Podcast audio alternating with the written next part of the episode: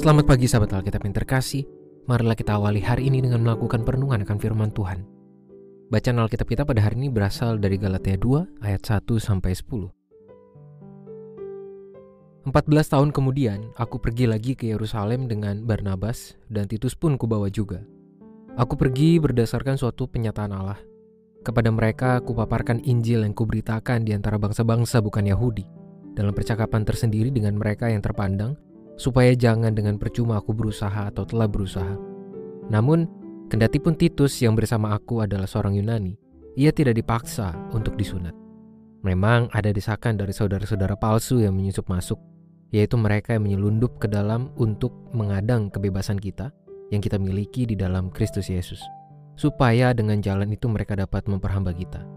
Namun, sesaat pun kami tidak mau mundur dan tunduk kepada mereka, agar kebenaran Injil dapat tinggal tetap pada kamu. Mengenai mereka yang dianggap terpandang itu, bagaimana kedudukan mereka dahulu, itu tidak penting bagiku, sebab Allah tidak memandang muka. Bagaimanapun juga, mereka yang terpandang itu tidak memaksakan sesuatu yang lain kepadaku. Sebaliknya, mereka melihat bahwa kepadaku telah dipercayakan pemberitaan Injil untuk orang-orang tak bersunat, sama seperti kepada Petrus untuk orang-orang bersunat. Sebab ia yang telah memberikan kekuatan kepada Petrus untuk menjadi rasul bagi orang-orang bersunat. Ia juga yang telah memberikan kekuatan kepadaku untuk orang-orang yang tidak bersunat. Setelah melihat anugerah yang diberikan kepadaku, Yakobus, Kefas, dan Yohanes yang dipandang sebagai pilar jemaat berjabat tangan dengan aku dan dengan Barnabas sebagai tanda persekutuan, supaya kami pergi kepada orang-orang yang tidak bersunat dan mereka kepada orang-orang yang bersunat. Hanya saja kami harus tetap mengingat orang-orang miskin dan memang itulah yang sungguh-sungguh hendak kulakukan.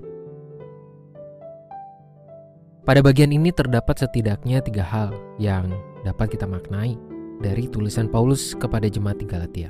Pertama, Paulus sedang menekankan pentingnya pemahaman iman jemaat agar tidak terpenjara oleh didikan yang justru membawa mereka kepada bentuk-bentuk formalisme beriman. Paulus ingin mengingatkan mereka bahwa sejatinya iman mereka bertumbuh dengan pemahaman dan keyakinan Kristus telah memberikan pembebasan atau kemerdekaan sebagai anugerah, bukan sebagai hasil upaya manusia. Poin ini sebenarnya cukup mengental dalam tulisan Paulus kepada jemaat di Galatia. Kita pun akan menemukan berbagai kritik dari Paulus dan pendampingan pastoral bagi jemaat di Galatia akibat pergeseran pemahaman iman tersebut. Kedua, Paulus juga sekaligus menekankan perannya sebagai pengajar yang tidaklah lebih rendah bahkan bertentangan dengan para pilar jemaat seperti Yakobus, Kefas, dan Yohanes. Ketiganya adalah para pengajar yang dipimpin oleh Tuhan untuk memimpin. Begitu pula dengan diri Paulus yang tidak bekerja berdasarkan keinginan dan untuk tujuannya pribadi. Paulus menegaskan bahwa segala karya pelayanan pekabaran Injil yang ia lakukan terjadi karena kemampuan dari Tuhan dan ia persembahkan untuk Tuhan.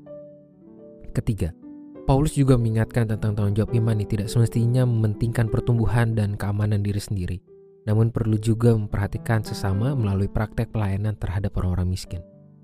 Sahabat Alkitab, di tengah model kehidupan modern yang semakin menekankan citra di atas segalanya, seperti yang muncul dalam gaya hidup bermedia sosial, ditambah dengan kebutuhan manusia untuk mengaktualisasikan dirinya, kita pun perlu berhati-hati agar tidak terperangkap pada orientasi hidup yang tidak sehat.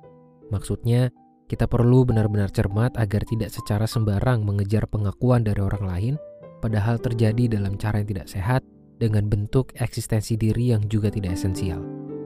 Hal ini dapat dengan mudah kita temukan di media sosial, yakni ketika banyak individu berusaha melakukan sesuatu yang membahayakan dirinya maupun orang lain hanya demi mendapatkan pengakuan sosial. Konsep semacam ini juga dapat merasuk ke dalam kehidupan beriman seorang umat Tuhan, yakni ketika segala bentuk praktek beriman kita lakukan bukan sebagai wujud ketulusan iman, melainkan demi mendapatkan pengakuan bahkan penghormatan dari orang lain. Paulus telah menunjukkan bahwa segala bentuk karya pelayanan dan statusnya ia kerjakan bukan demi pengakuan orang lain, melainkan terjadi karena penyertaan Tuhan dan untuk kemuliaan Tuhan. Jadi, apakah Anda menjalani praktek beriman untuk Kristus atau untuk pengakuan sosial semata? Marilah kita berdoa. Tuhan tolonglah kami menjadi umatmu yang menjalani kehidupan kami, mewujudkan sikap-sikap nyata iman kami kepadamu melalui setiap kegiatan yang kami lakukan, yang kami jalani dengan segala bentuk tugas dan tanggung jawab kami.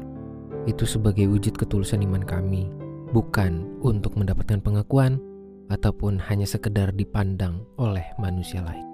Tolong kami Tuhan untuk memiliki ketulusan itu, biarlah iman kami boleh terus bertumbuh dan berpengaruh bagi orang-orang yang juga ada di sekitar kami.